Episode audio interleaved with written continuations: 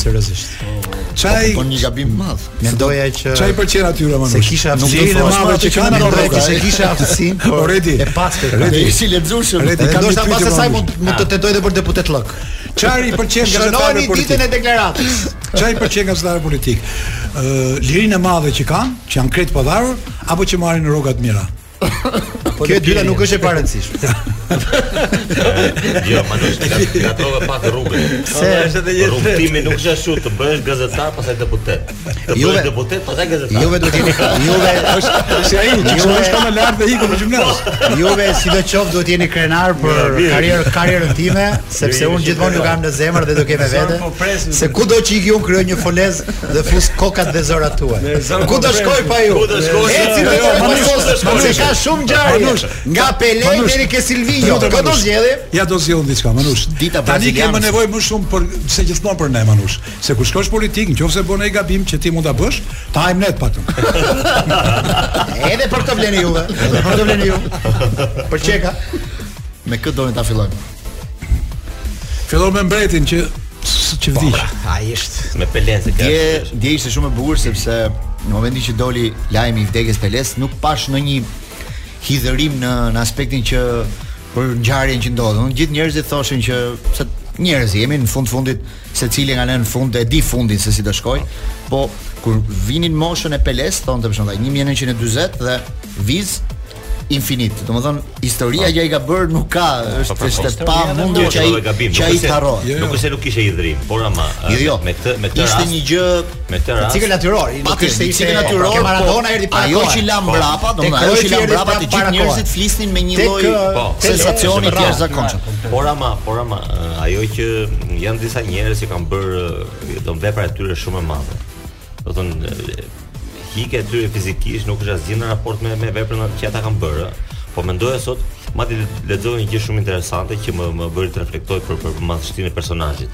Pa dashur u futëm krahasime, mos na bëni vetëm krahasime, mos ta bëni sot, po themi. Ë, do futbolli ka filluar, domethënë në 1850 ca ka filluar rrugëtimi. Në 58-ën, ndeshja e parë në kampionat botëror të Suedisë ka qenë ndeshja e parë që Pelea ka veshur numrin 10. Mm.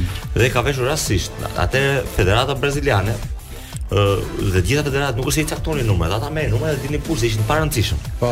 Ai përfaqësuesi i FIFA-s që ishte uruguajan, delegati, I dha numrin 10 Peles, se ka emrin tha Pele ai, urdhë po. merre ti këtë i tha këto.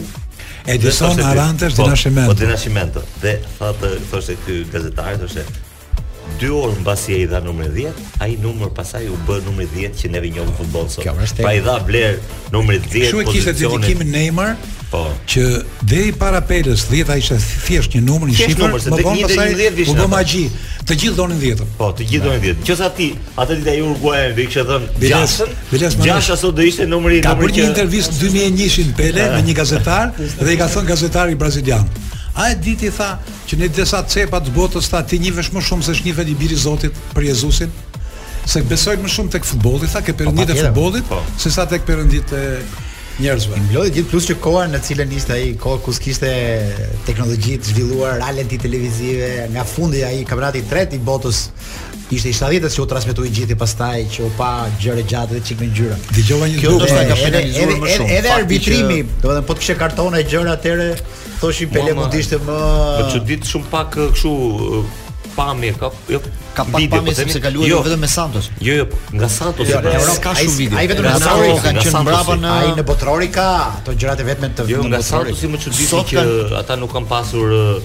Po themi pra, ka qenë shumë i zhvilluar në atë kohë. Unë dëgjova dje darkë se tha çka qe Santos. Dëgjova fundi çka bërë ka qenë 77, nuk ka qenë shumë. E di çka qe Santos në ato vite? Santos në ato vite i bënte udhëtimet me avion por në mënyrë torturuese.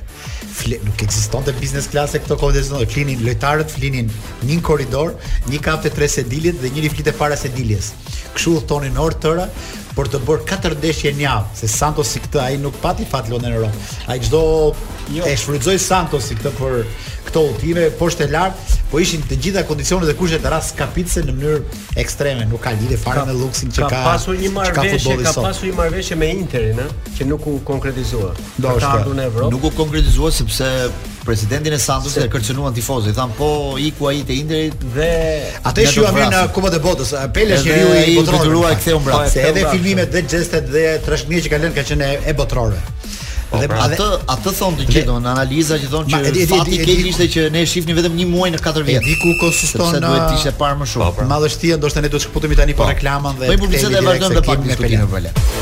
Rikthehemi në Paso dhe ishim duke folur për Pele, për ndarjen nga jeta e Peles dhe atë çfarë ka lënë ai në futbollin botëror. Përpara se të vazhdojmë diskutimet tona, do ndjekim një insert të vogël, një audio që na ka dërguar profesor Kabo, i cili bën një koment mbi Pelen pas eksperiencës që ka patur ai duke e parë në ato vite të të 70-të sidomos kur Brazili fitoi Kupën e Botës. Ta dëgjojmë pak profesor Kabon dhe pastaj rikthehemi këtu. Pelja i cili gjeti futbollin si një lojë me rregulla ku bashkoheshin të rinj pasionet e të cilëve shpreheshin në një fushë të gjelbërt. Por me ardhjen e tij, futbolli mori një dimension tjetër.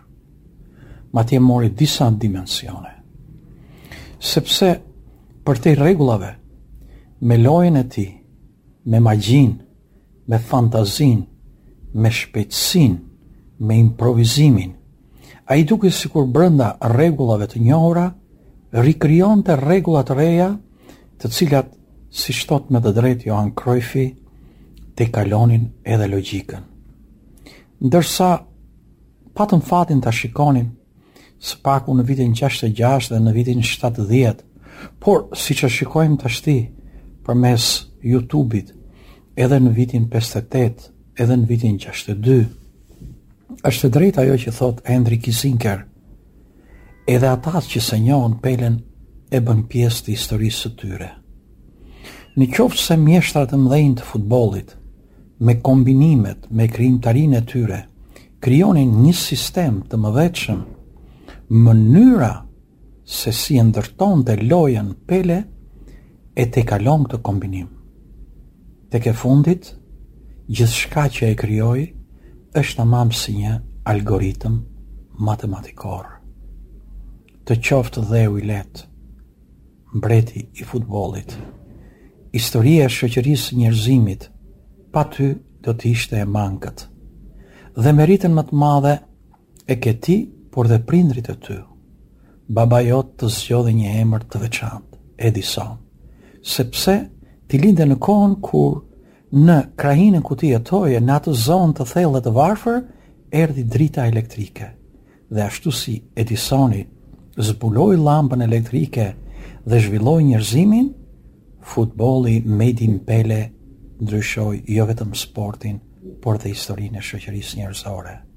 Mirënjohje. Ishte profesor Kabo me një 2 minutësh shumë interesant mbi, elegji e detyruar e Procesit dhe gjithë aspektit sportiv Top Medias për Pelen dhe është Person ja, papi për në lidhje me emrin, ai kishte një problem shumë të madh te çështja e emrit, sepse ë uh, emri që i vënë brazilianët, emri i madh, pastaj vihet një nofkë. Nofkën ai nuk e kishte Pele, ai kishte Diko. Në në Brazil për shumë vite ata e kanë thirrur Diko. Por kur luante me shokët e tij, ai shpesh herë futej edhe portier dhe si portier imitonte një portier të famshëm të asaj kohe që quhej Bile. Po ai duke kur priste një top thoshte Pile, Pile, po ngeli Pele, Pele dhe ngeli Pele, pastaj e njihnin gjithë. Por ai e kishte urrente këtë emër në fakt, nuk e donte, ai donte të të thirrej gjithmonë me emrin që kishte, i kishte vënë i ati, që ishte Edison në për nder të shpikësit të llampës, kur lindi ai, pikërisht ajo që tha dhe profesori në në fshatin ku ishte Pele, u vu ndriçimi, erdhi ndriçimi për herë të parë dhe për këtë arsye i ati i vuri emrin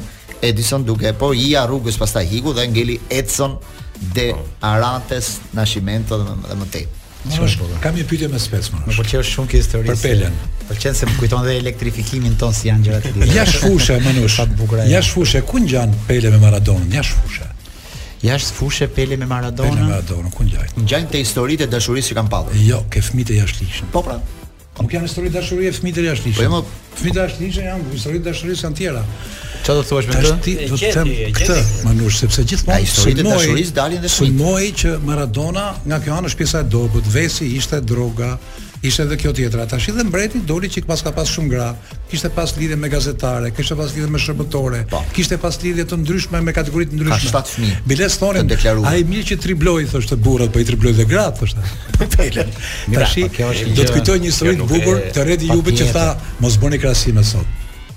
Historia ime lidhet tamam me të bërit e krahasimeve dhe që bën i bën keq shëndetit Peles.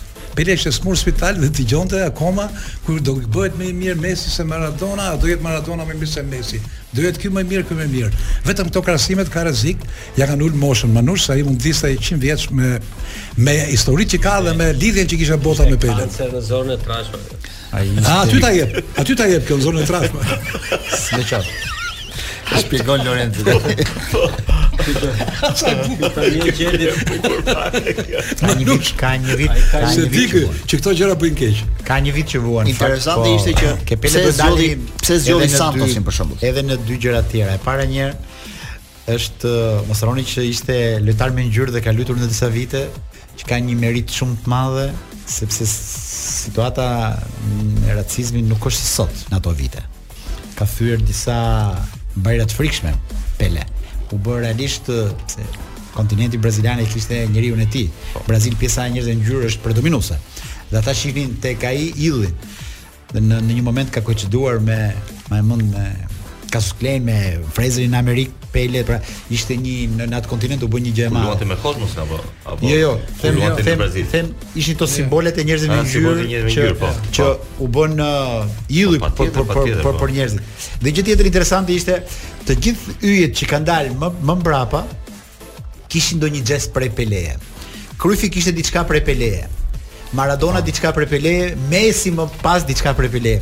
Dhe po të shohësh në në ato video se nuk janë shumë, po ka disa që të japin idenë e, e Peles, uh, janë gjëra të pa të pa përsëritshme gjërat që bënte ai. Uh, un po po flisja pak me Redin çfarë pse bëhet një gjë e rëndësishme. Mbaj mend se Gzimi mund ta kuptojë këtë emocion, ndoshta pak dhe Redi kur ishim të vegjël ne. Kishim ato kanatieret që prodhonte NPV-ja, se atëherë prodhohej çdo gjë në Shqipëri, nuk vinin nga nga Turqia, dhe nga mbrapa i qepnim numrin 7, ke lagja jonë, ishim dinamovit, për Ilir Përnaskën. Imagjino tani ne ke gjithë gjestet tona donim të imitonim atë, një brez më mbrapa Demollarin, një domethënë një pi- një brez që përpara Cruyffin. Imagjino gjithë bota e madhe që që nga kalamajt deri ke yjet që u bën yje pastaj në futboll, kishin idhull të imitonin gjërat që bënte Pele, aq pak sa e shihnin në televizor. Në këtë aspekt them që rëndësia e rrezatimit të tij ka qenë e frikshme. Jemi duke fol pastaj për një sport që personalisht kam nja 20 vjet që merrem në mënyrë intensive dhe profesionale bashkë me ju dhe është një lloj biznesi që në të vetmin rast unë nuk shoh që të ketë ulje apo rënie.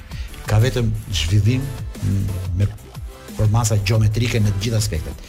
Që nga jehona mediatike, që nga paratë që lëviz, që nga çdo çdo çdo çdo gjë tjetër. Po pra, mediatizimi sidomos i futbollit, domethënë kohën e Peles, shikohet nga videot dhe nga fotot që kemi që shumë pak gjëra janë të dokumentuara. Por pastaj mediatizimi i këtij sporti e kaloi në në në nivele në nivele të tjera. Merita e Peles është pikërisht që në një periudhë të errët, po themi në në pikëpamjen e, e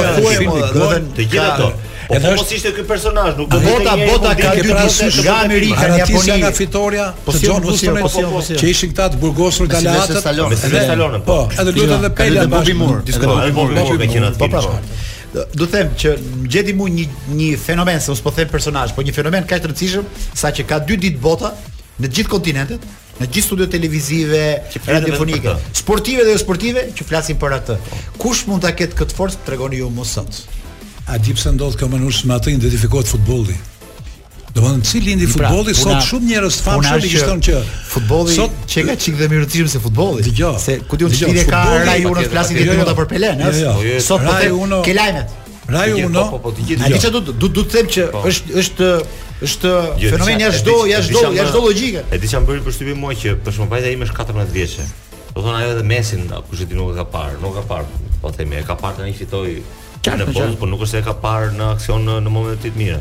Dhe sot shpërndanin këto, po themi me një, me një tjetrin këto për Pelen e tjerë e tjerë. Janë disa personazhe të cilët edhe pa i parë dhe pa ashu, ajo që të rrezatojnë, ajo që transmetojnë, domethënë ajo që ata do të thonë ngjisin, o s'ngjisin, mund të mund të duash ta bësh një personazh tjetër ta kthesh në këtë. Dhe dëgjova diku sot që Madje paska lënë trashëgimi të rëndësishme dhe pasurore, po them në në para, ëh. Mm -hmm. Pra dhe ky mediatizimi që është bërë më mbrapa, ëh, po themi që kanë dalë gjithë këta lojtarët e tjerë e tjerë. Mm -hmm. Prap ai ka ngelur, do të thotë për shfrytëzimin e të drejtave të imazhit, ka qenë imazhi i disa kompanive dhe firmave të tjera, kështu që kjo tregon se çfarë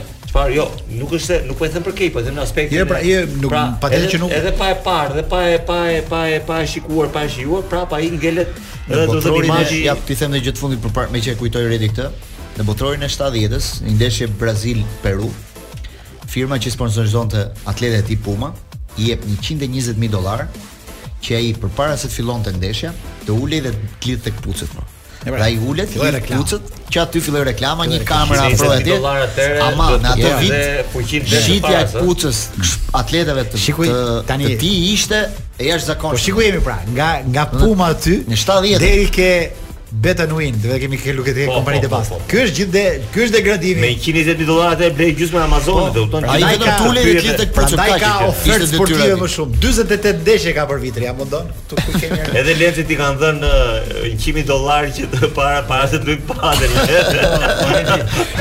Rikthehemi në paso me këtë këngë të Pele e kënduar mbas viteve 2000 dhe quhet Shpresë. Tre sa tre këngë Pele në në jetën e tij që i ka kënduar vetë, po dhe shumë të tjera, pasi ai i binte shumë mirë kitarës, ishte Njeri shumë i apasionuar pas muzikës, ndoshta si shumë brazilianë të tjerë. Interesante, Interesante ishte se në ti e kujtove pak më parë filmin që bëri me Stallonen, edhe gjatë xhirimit të filmit Pele ka goditur një penallti. Edhe në penallti Stallone në film ka rolin e portierit. Po. Në atë kohë xhironte edhe Xhironte dhe seri, serinë serinë e filmave Rocky në atë kohë. Dhe duke goditur një penallti nga ato topat që ishin topa të fortë, nuk ishin topa si tani. Ai pa doreza hidhet dhe thyen një gisht kur bën tentativën për të prekur për të prekur topin nga forca e topit thyen gishtin. Thyen gishtin dhe kishte pastaj shumë probleme në xhirimin e filmit Rocky. Dhe sot e kësaj dite ai thotë që Stallone thotë që i vetmi që më ka thyer gishtin është Pele, thotë me një top futbolli. e bukur dhe kjo. Ndërsa për botërorin e 70-s për finalen, pashë një dokumentar dje në darkë që ishte i jashtëzakonshëm dhe thoshte që Brazili kishte 5 numra 10, meqë përmendëm dhe numrin. Domethënë ishin 5 lojtarë që vinin nga skuadra të ndryshme, mm -hmm. që në ekipet e tyre mbanin numrin 10.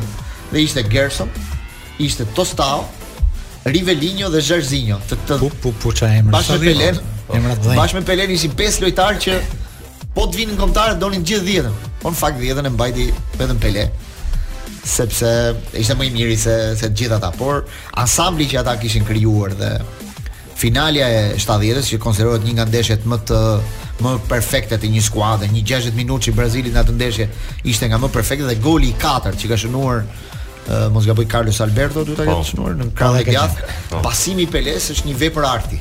Meqë e përmende Ka bërë një no look që në atë kohë Domethënë ajo Pa e parë me hije Di që do vi Shoku atje Brazili i 70-ës Konsiderohet nga të gjithë, i kanë futur në këto algoritme të vlerësimeve teknike, është ekipi më i mirë i të gjitha kohërave.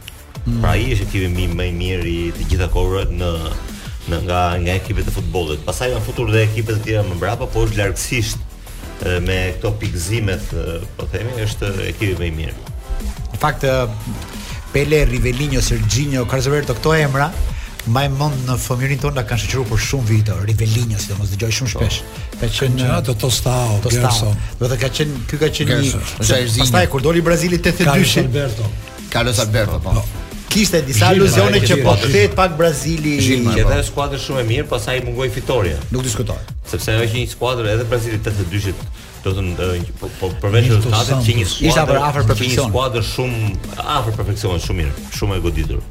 Po atëherë kishte dalë ky futbolli tjetër, futbolli italian, pra catenaccio, gjithë këto gjërat që ishin sofistikuar nga ana vet.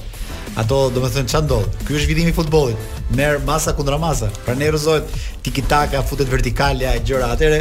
Kishte dalë Scirea, kishte dalë Tardelli, kishte dalë Paolo Rossi. Po ishte një tjetër që quhet Gentile që ka bërë ditën natë Maradonës, i ka bërë 23 faulla. Pa asnjë karton, pa asnjë gjë.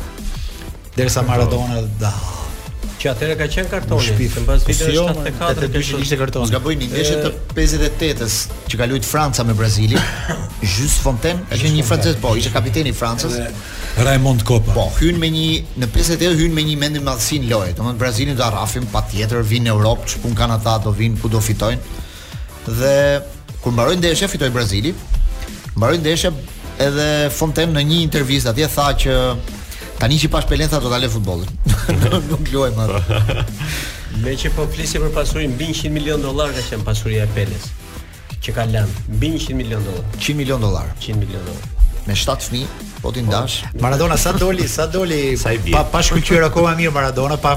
Pa pa u zhvilluar akoma botërori i 86-s, Maradona i kërkon një takim me Pelen. Dhe insiston shumë që ta organizojnë këtë takim dhe e bëjnë këtë takim në Brazil, në vilën e një pasaniku të madh brazilian. Që hynin e dilin VIP-a e kështu gjërash dhe përmendte aty një gazetar që ishte pak histori, historian i kësaj i këtij takimi, këshillat që jepte Pele Maradonës. Dhe një nga këshillat e, që i thoshte që pastaj nuk e zbatoi Maradona që ndiq trupin tënd i tha. ë uh, se ke kohë edhe për të dal për të pi një gotë më shumë me shokët, edhe për të ngërë një darkë, tha. Po asnjëherë mos abuzo tha se profesioni që ke zgjedhur është i lidhur gjithmonë me gjendjen fizike. Kështu që tregohu i vëmendshëm dhe i kujdesshëm për këtë. Kujdes me abuzimin. Shumë e bukur paska qenë leksioni. Pela, Pela s'e mba, Pela se mbajti vet. Maradona s'e mbajti nga Pela, po. të dy bën më të mirët. Ai sa mbaroi edhe i futi i vizë, dhe sa sa mbaroi muhabetin, thotë. S'e kishte filluar akoma këtë histori. Të kthej në Itali këtë sa gjëna. E bukur ishte se kur Pela ka bërë golin e 1000, ka koinçiduar që atë ditë Amerika shkonte për herë të dytë në Hënë. Dhe gazeta amerikane kur publikuan faqen e parë, në një gazetë amerikane, ndoshta The Times, nuk e mbaj mend titullin e gazetës, e ndau foton, e ndau faqen e parë në dy foto. Njëra ishte Pele që festonte dhe tjetra ishte njeriu që rikthehej po. rikthehej në rikthehej në hënë. Apollo 12. Udhëtimi i dytë, Apollo rikthimi 12. Dhe brazilianët u mërzitën për këtë. Të thanë E fjalia e brazilianëve ishte që hënën e kemi parë një herë, Pelen jo. Se bëri 1000 gola, ai ka bërë 1200 e 1230 se sa 30 gola në në karrierën e tij, ka një rekord Guinness për këtë. Shumicën e golave i ka bërë duke llogaritur dhe ndeshje miqësore, Santosi në atë kohë bënte shumë ndeshje miqësore, ftohej në në shumë vende të të Po jo botës vetëm aq, për po të- kishin ndeshje nga ishte për të gola. zhvilluar, po.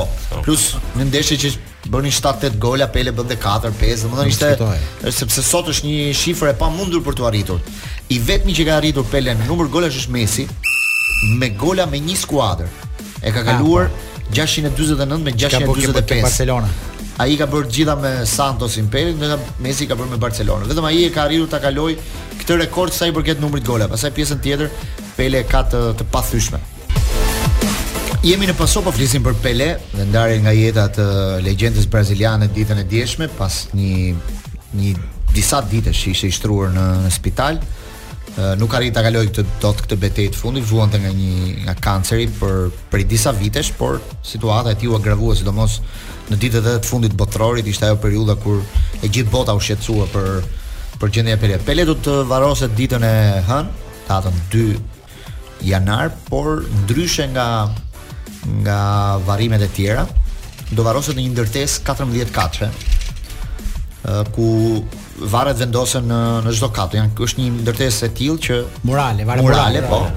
Që ishin dhe këtë e konsideronin si një lloj nderi që i bënin Peles në në Brazil, varrimin në një në një ndër, në një ndërtesë të tillë ku ishin rreth 4 14000 varre të tjera mos gaboj që vendosesh kudo që ta varrosin Pelen, nderi ka bërë Pele Brazilit, jo Brazili po, po. Peles.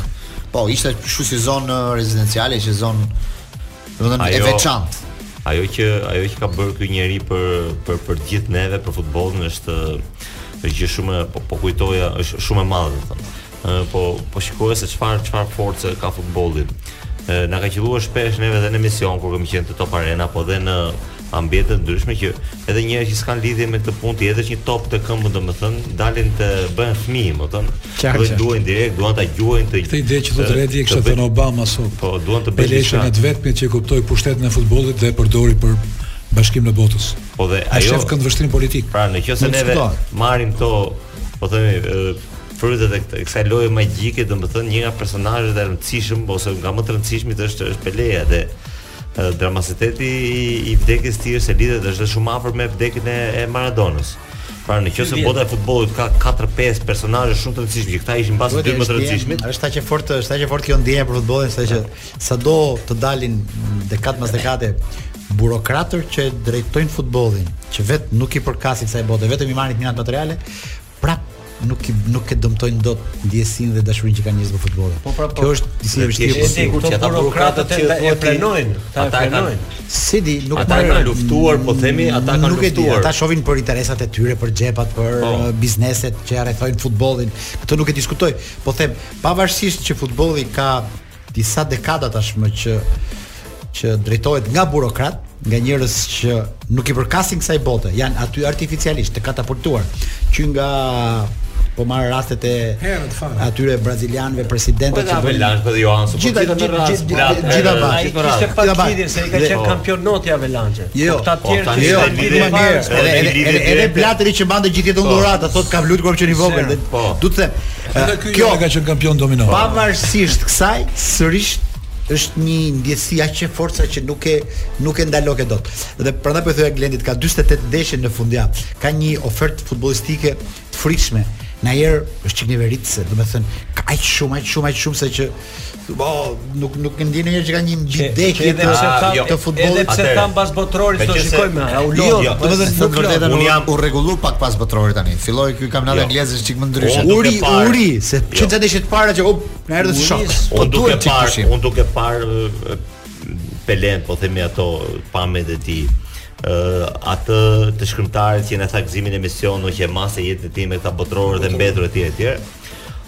Unë i mëshoj edhe më fort sa që këta lojtarë të mëdhenj apo këta personazhe të të personazhe të mëdhenj në futbollin ndërkombëtar, unë do të doja të shikoja shumë më shpesh se një herë në 4 vjet.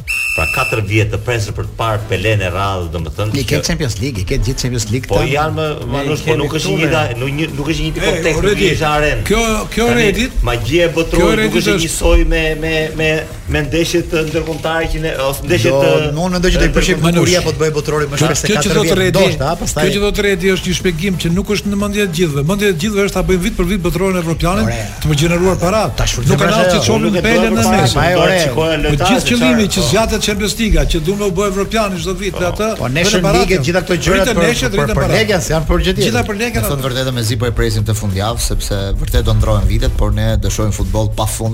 sepse ka ndeshje pa fund. Dhe do flasim pjesën e dytë të pasos për ndeshjet e fundjavës. Rikthehemi në paso në këtë pjesë të dytë me Ed Manushin, Redi Jupin, Lorenzo Eminin dhe Gzim Sinematin. Kjo është një periudhë e qarkullimit të shpeshtë të viruseve si gripit, po ashtu dhe Covidit që po shfaqet, po rishfaqet. Po rishfaqet. Kjo është kohë e duhur për t'u vaksinuar, për të mbrojtur veten dhe njerëzit e dashur. Vaks vaksinohu në të njëjtën kohë nga Covidi, por dhe ndaj gripit. Ë uh, kishte diçka të fundit për po desha për Pele. Të shuaj kuriozitetin Manushit sepse mm -hmm. në një intervistë para disa vitesh i thanë që Pele tha, "Di ti ti që ti që mbahesh baba e futbollit tha ose mbreti si thon tha, në klasifikimin e përgjithshëm të njerëzve më të pasur të futbollit ti figuron tha je shumë larg tha. Si, si ka mundësi që mbreti kaq larg tha nga pasuria?" I tha sot më të pasur se unë tha, janë president federatash ata që s'i kanë rënë topit me këmbë, tha.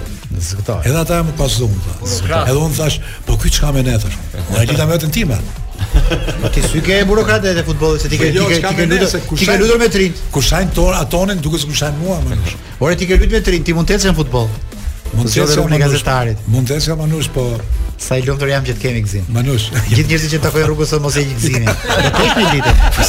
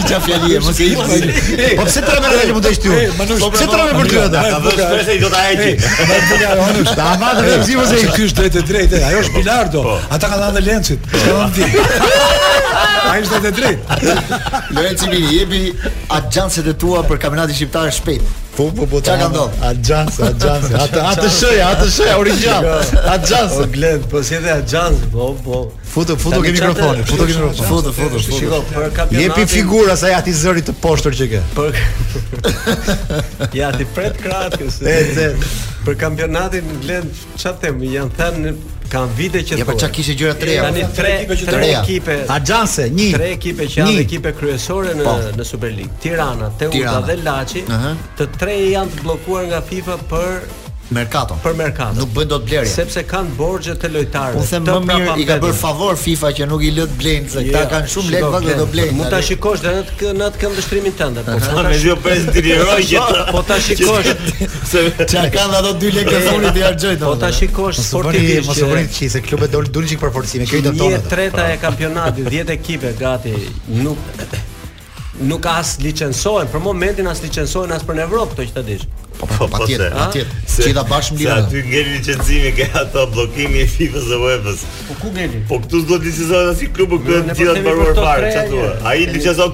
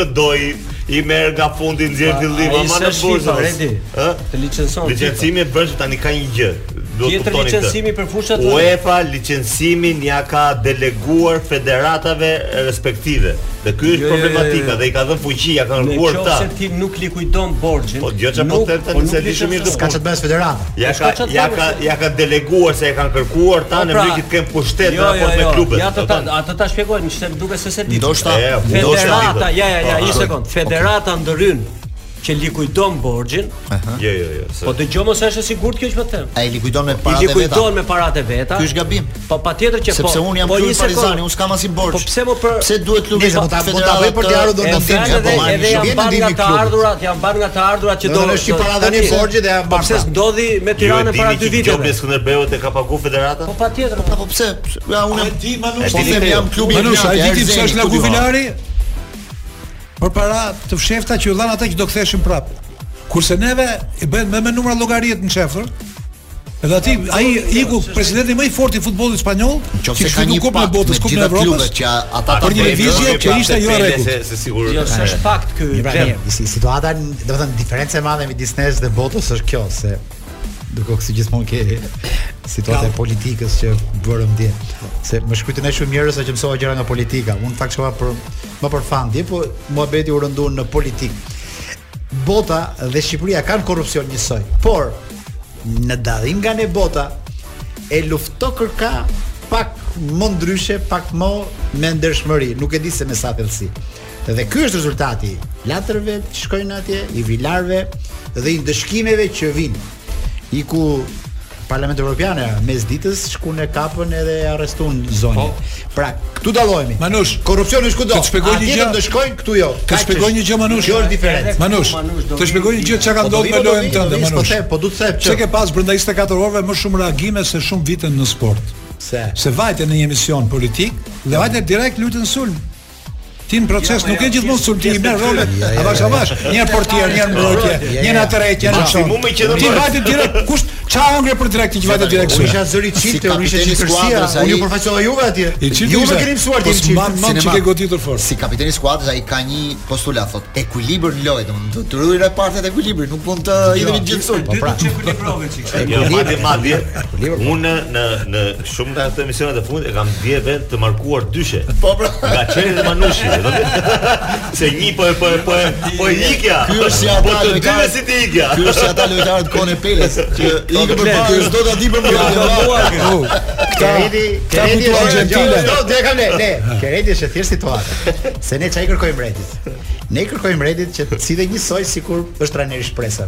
Që kur ne flasim këtë kokën anë. Po. Është gjë thjesht. Po ja, do të trajnoj shpesh edhe tani. Është gjë thjesht. Sa ka tani çfarë çfarë ka mundësisht për vit rit marrësh dhe vezë dhe kulasi së mbaroi Lorenzo. Mbaroi Lorenzo, vazhdo. Kaq kisha që e kam të sigurt këtë si informacion, ha. Po, Kurse po, pra, për sa i përket pastaj është emri trajnerit kombëtares, si këto që kanë dalë. Emri i ri që doli është ky i Silvinjos, ish lojtari. Po sa i bazuar është pra këtë na thoni tani se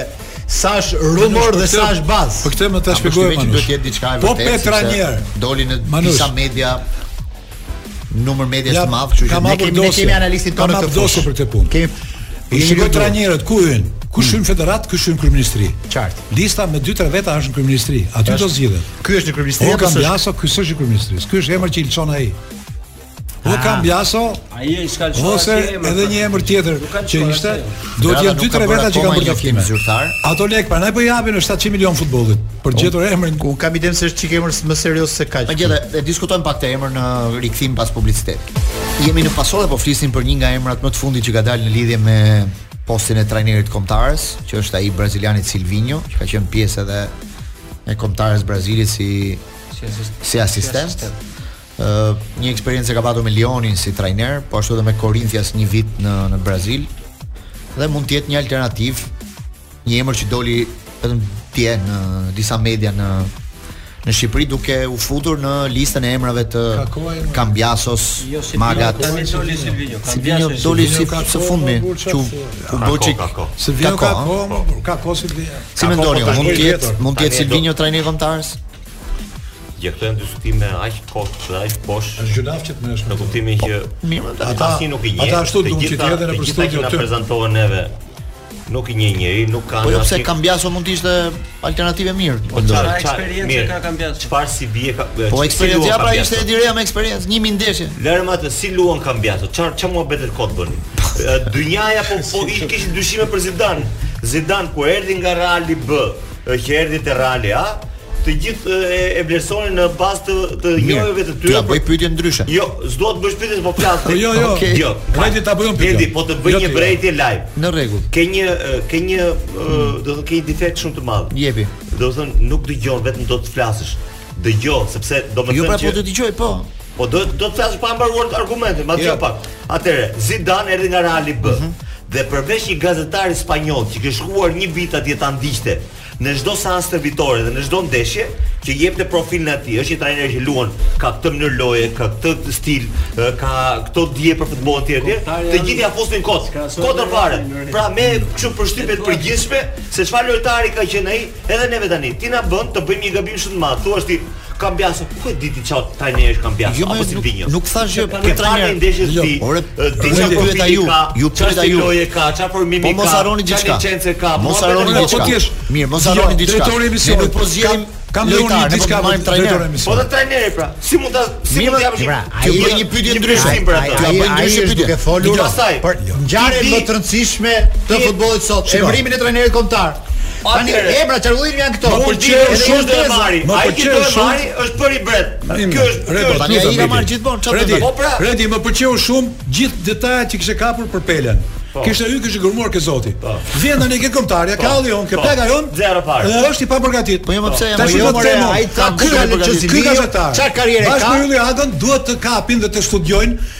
Që sa kohë ka Shqipëria që është pa trajner, mblidhi sa trajnerë ka shkarkuar dhe sa muaj kemi ndejt pa trajnerë Shqipëria. Edhe a quhet gjallë ekipi kur trajneri është i vdekur, ekipi kombëtar? Kujt i duhet emri i trajnerit kur ne kemi një president që e bën vetë ekipin lëmsh Li. Po sikur me ardh trajneri më i mirë në botë, do dalin të parët grup ne? Pse bini këtë grackë kot? Sido që ta ketë emrin, ai president i bën lëmsh Li kombëtaren. Ok. Ai s'ban përgjegjësi, ai ndron emra Bar. dhe na hedh neve nga i kot këtu, yeah, Silvinho. Kemi këtë diskutimin e parë që burokratët e futbollit. Tani po. ka zgjidhim dhe ky skuadër Kështu si çush, ka në vepër të katër muaj Manush, katër muaj janë këto. Katër muaj pa trajner të rrallë. Katër muaj rreth tjetër, katër muaj tjetër.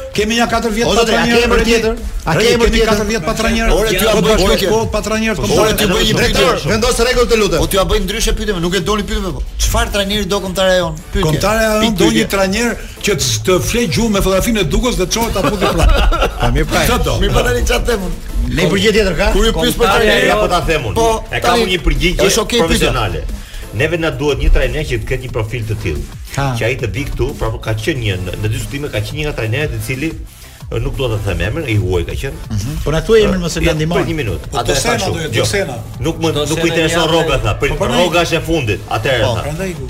Un tha dua kondita do kushtet e çfarë. Dua ta bëj vet skuadrën, dua të të kemi këtë akses për ata lojtarë që janë atje. Dua të kemi dashamirësi ndaj arbitrit. gjëra të tilla. Pra, ai po ngrinte gjithë kondicionet e tij për për të bërë një punë të mirë profesionale. Unë i unë i marr, unë i marr të gjitha përgjegjësitë tha që ta bëj punën ashtu siç duhet. Dhe kishte edhe një kishte edhe po, një ditë. Po siguronte. Dua ta gjithë kontratën time tha me rroga, po deshe bëjeni me objektiva tha. Nuk më intereson fare kjo. Por duhet të kuptoni një gjë tha. Ju tha merrni një risk, po merrni mua tha. Sepse unë jam një trajner tha që pak pak eksperiencë kam. Po edhe un kam riskun tha sepse Unë mund ta filloj me një projekt të dështuar tha, sepse fillimi është shumë i rëndësishëm. Unë mund ta filloj me një projekt të dështuar dhe mua më mbaron, po themi, unë unë jam i djegur që në start. Pra të dy e kemi riskun i thënë. Dhe ti ke risk se po merr një trajner pa eksperiencë, po Po dhe unë kam riskun se unë mund ta filloj me Tunizinë tha ai. Kishin një, unë mund ta filloj me Tunizinë, mund ta filloj me tjetër. Pra, ai më pëlqeu mua ai. Pra, njerëz ambicioz, profesionist,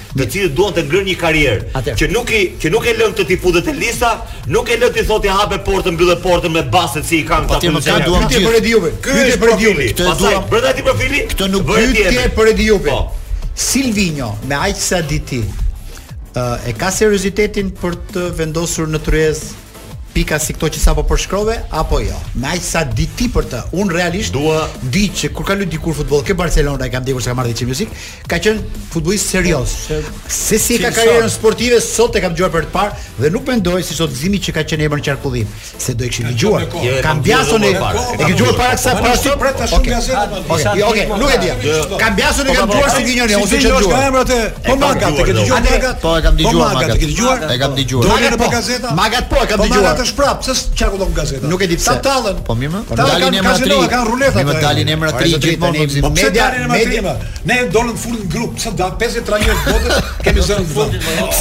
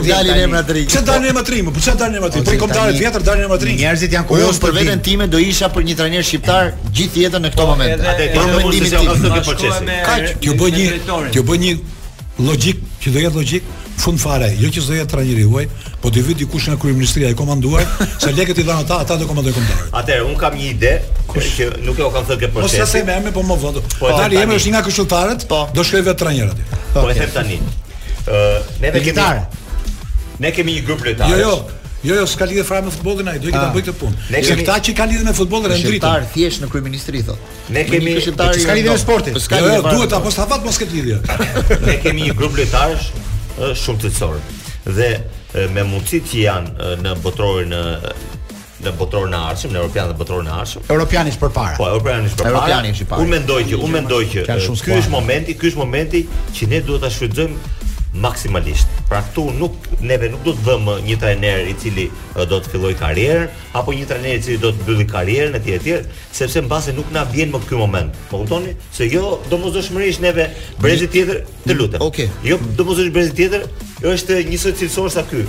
Mund të jetë shumë i keq, do të dyshoj që neve mund të kemi brezi. T'i marrim maksimumin e brezit. Po, atëherë, me për të marrë maksimumin e brezit, un, un Redi Jupi do kisha bërë këtë zgjedhje. Do ia besoja ekipin kombëtar, Igli Tare, Besnik Hasi, Arjan Peço. Treshe? Po, treshe. E pastaj t'i t'i ndajnë të ndajnë detyrën. Nuk e di, po themi, ë, mund të ishte dogje këto, i dogje të tre. Jo, nuk i dogje. Si i dogje të tre dogje.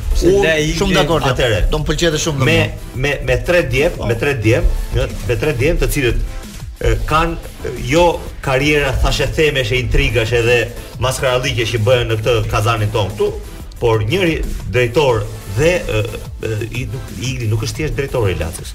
Igli është përzgjedhës i lojtarëve. Menaxher, pra, nivel. Ai pra është seleksionues. Po. Më kupton? Pra pse pse po e them që mund ta marrin si trajner? Pra që është seleksionues.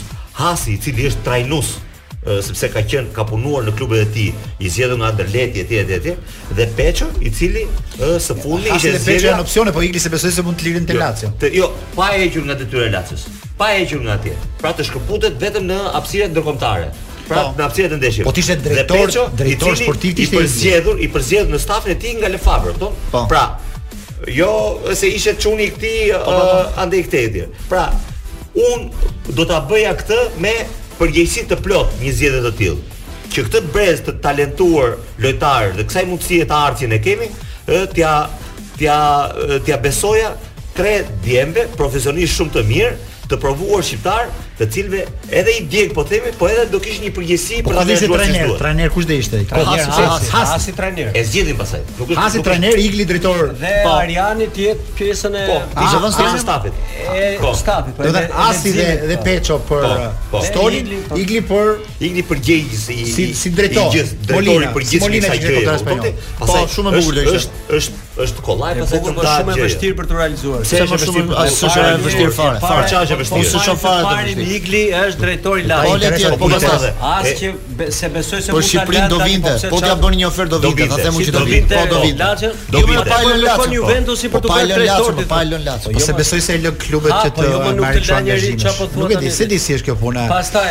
Sepse kjo ndihmonte për kombëtaren. Neve do na ndihmonte që ai të ishte edhe jo, jo, Lazio të ishte. Ai mund të po nuk e di a do e lejonin klubet respektive. Po. Problemi te Lazio edhe mundet, po unë mendoj që edhe mund ta gjente një gjë tjetër. Kjo kjo që thua ti, kjo është një niveli mendimi shumë të lartë.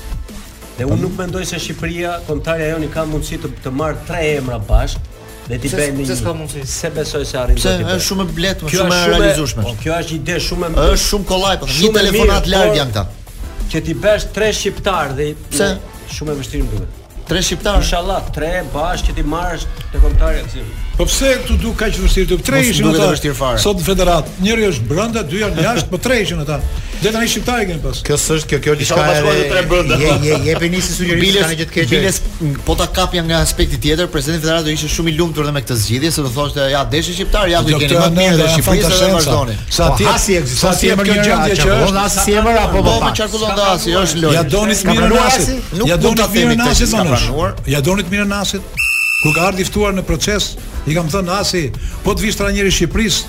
Do të çosh flamurin do jesh vetëm.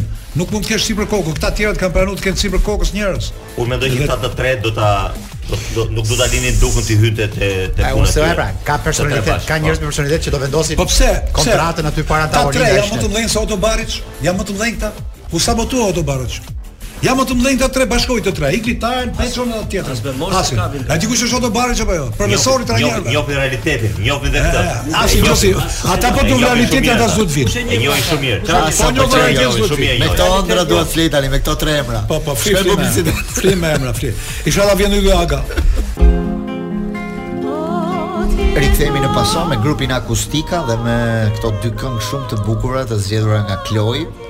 që është elementi i gjashtë në grupin e Pasos. Është diçka jona speciale që neve meqë ky është takimi i fundit për këtë vit do donim ta falënderojmë dhe t'i urojmë sa gëzuar festa. Jo, bashkë me Alisin që është Kloj, Kloj, di është Kloj. Një sekond. Bashkë me Alisin. Në botror kemi Lambertin, këtu kemi Klojin. Po, po, po donim të falënderojmë edhe Alisin që kemi në teknikën këtu Top Albania Radio dhe gjithë stafin mbështetës sepse ky është takimi i fundit për këtë vit, kështu që le të shfrytëzohet ky moment për urime. Kloj më mban gjallë, i lumshin se ka hyrë nëpër disa muzika të vjetra që realisht na ka mbushur me një entuziazëm dhe urojmë që 2023 për të të jetë një vit po kaq i suksesshëm. Breaking news thotë. Breaking news, di çfarë thotë? Ë. Cristiano Ronaldo firmos kontratën me klubin e Arabisë Saudite Al Nassr. Al Nassr. Sipas lajmeve që vinë nga Arabia Saudite, me një kontratë vjetore 175 milion sterlina. Bëjni vetë. Kishte një dyshim ti për këtë? Bëjni vetë. 75 e kishte. 175 në sezon. Po pra 1 miliard që shkon e gjitha pak 7 vjet, ë? 2 vjet plus 5 si ambasador. Lojtar dhe 5 vjet si ambasador i klubit. Ky është një një hap që duket sikur Arabia Saudite po hidhet në fushë tani për të marrë një botëror. Në vend që bota të merret me Pelen, ai prap do të bëjë lajm. Edhe i hyn dhe Pelës ke ke ditë veta. Dhe do luaj, do luaj në një stadium me 25000 veta. Dhe është shkëputur edhe Jorge Mendes nga nga menaxhimi i Ronaldos. 175 milionë sterlina. Ne ne ne ne jemi duke hyrë në rrafë këtu janë para pas. Ne di çfarë do Katar dhe në Arabi Saudite lekët janë lekët janë gjëja më e parëndësishme aty. Janë aq aq të parëndësishme sa që tejkalimi i këtyre pagesave që janë jashtë çdo jashtë çdo sensi logjik po themi tek Arabia Saudite lekët janë të rëndësishme dhe do të thonë po pra pasioni milionat janë pasioni është pagesat e ekzagjeruara për lojtarët sepse janë nuk nuk mund të vijnë të mira prej tyre dhe korrupsioni i madh dhe vjedhja e madhe e parave të futbollit nga burokratët, pra nga njerëzit. Pra në qoftë se FIFA merr 15 miliard nga botërori apo ku di unë 7.5 apo ku di unë se si llogaritet ajo dhe 1.5 ia shpërndan klubeve dhe 13.5 i mban vetë, po themi, ia shpërndan federatave, a, kjo është vjedhje e ekzagjeruar dhe është një, një abuzim me fondet. Por edhe pagesat e lojtarëve, sidomos të, të, të, të, të këtij niveli,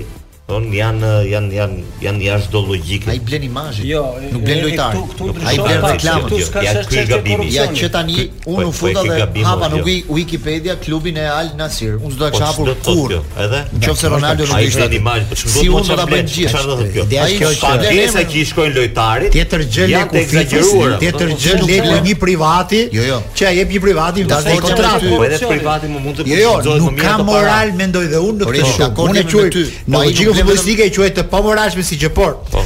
Kemi hy, kemi hyrë në një botë siç është kjo e Katarit dhe Arabisë Saudite dhe gëzimi që është që realisht lekët janë e di si thotë një miku im i përbashkët dhe i Glendit që quhet Fred Sako. E di me sa lek prodhojnë sa 1 miliard me 500 euro. Leku është realisht letër. që i prodhon ai dhe po. e jep domethënë dhe realisht vlera e tyre është aq sa kanë harxhuar në shtypshkronjë për të për t'i printuar. Pra, realisht ajo vlen diç 500 euro, pavarësisht se ai me atë mund blejë blejë gjithë Shqipërinë apo gjithë Ballkanin apo ça do. Dhe fakti që ai e merr për 2 vjet dhe për 5 vjet pastaj si ambasador,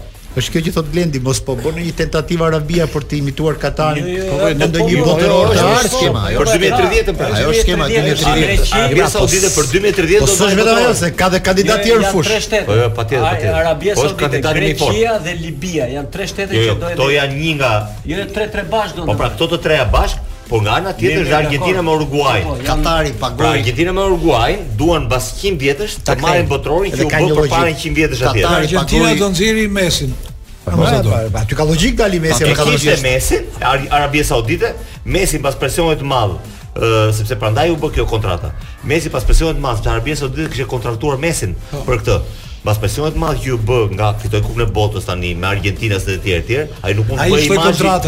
Nuk mund të bëhet imazh i Arabisë Saudite që t'i heqë asaj të Kupën e Botës së Argjentinës. Mos të habitemi kur të shohim doli imazhe imazhe të Arabisë Saudite do bëhen edhe David Beckham, Zidane, po patjetër.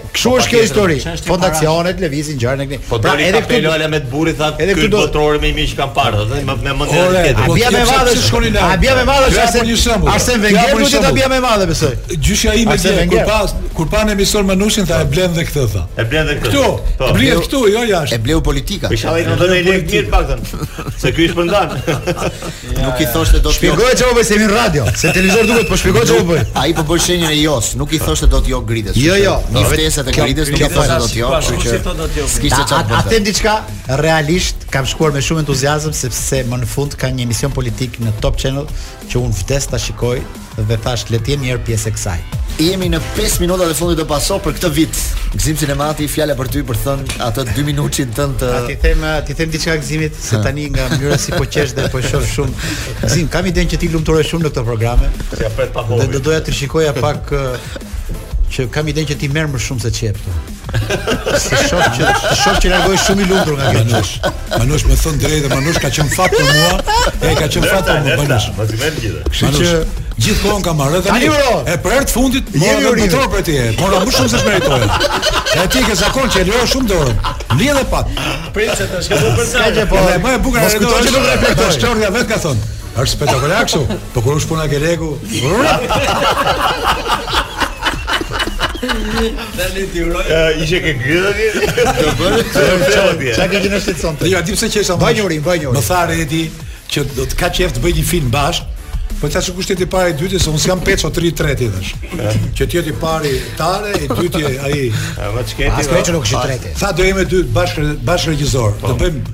Film tha me ngjyra recepsioni. Qa filmi? Qa? Se kuptoj dot fare, do të thotë. Bëje urimin, bëje urimin, bëje urimin, bëje Se ke gjithë ditën që përgatit për këtë urim tani? Uro arbitrat parët. Na pa shumë. Në fakt kur dëgjova urimin sot të presidentit të federatës, i uroj të gjithë përveç arbitrave, më bëri përshtypje.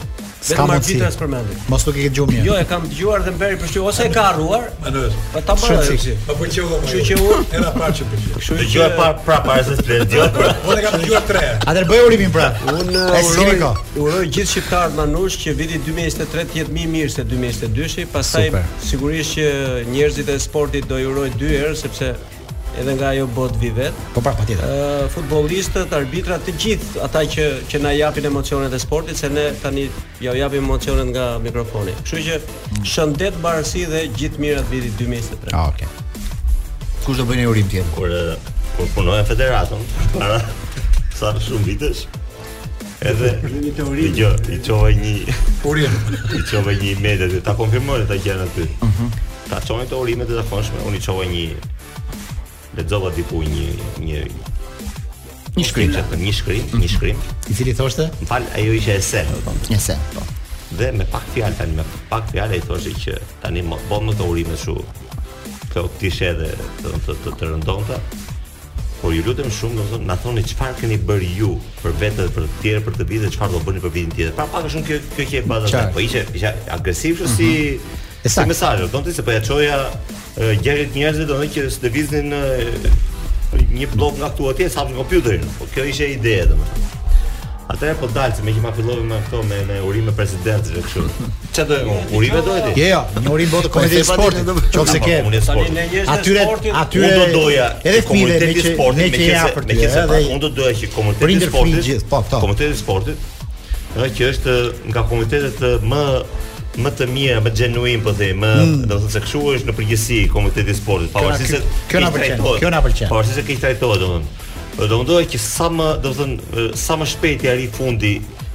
këtyre situatave që përjeton, domethënë viti 2022 për sportin ka qenë një vit shumë shumë shumë negativ dhe shumë i vështirë në të gjitha aspektet, ndash në po themi në kampionatin kombëtar, ndash në ekipin kombëtar në rezultate në shumë gjëra të tjera.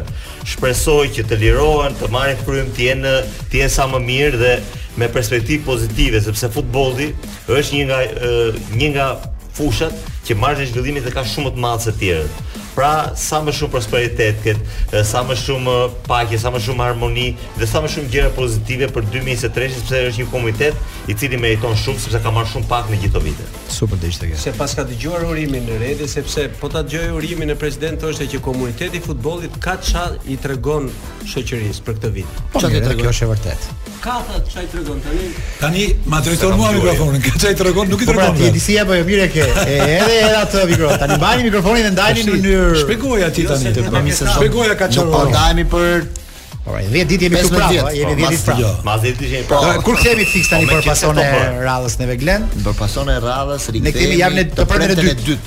të radhën e dytë, kurse në proces do rikthehemi në datën 9 janar ku kemi mundësi të fillojmë përsëri analizat tona. Ju nesër në Top Albania Radio është një ditë e madhe urimesh, kalojnë po personazhe të shumtë këtu dhe nuk na ngelet gjë tjetër, tjetër vetëm t'ju falenderoj Gëzim Sinematin, Lorenc Eminin, Redi Jupin, Ed Manushin, Kloin, po ashtu dhe Alisin për këtë vit të mrekullueshëm dhe rishifemi dhe ridigjohemi. Natën e mirë dhe gëzuar sërish. Natën e mirë dhe gëzuar.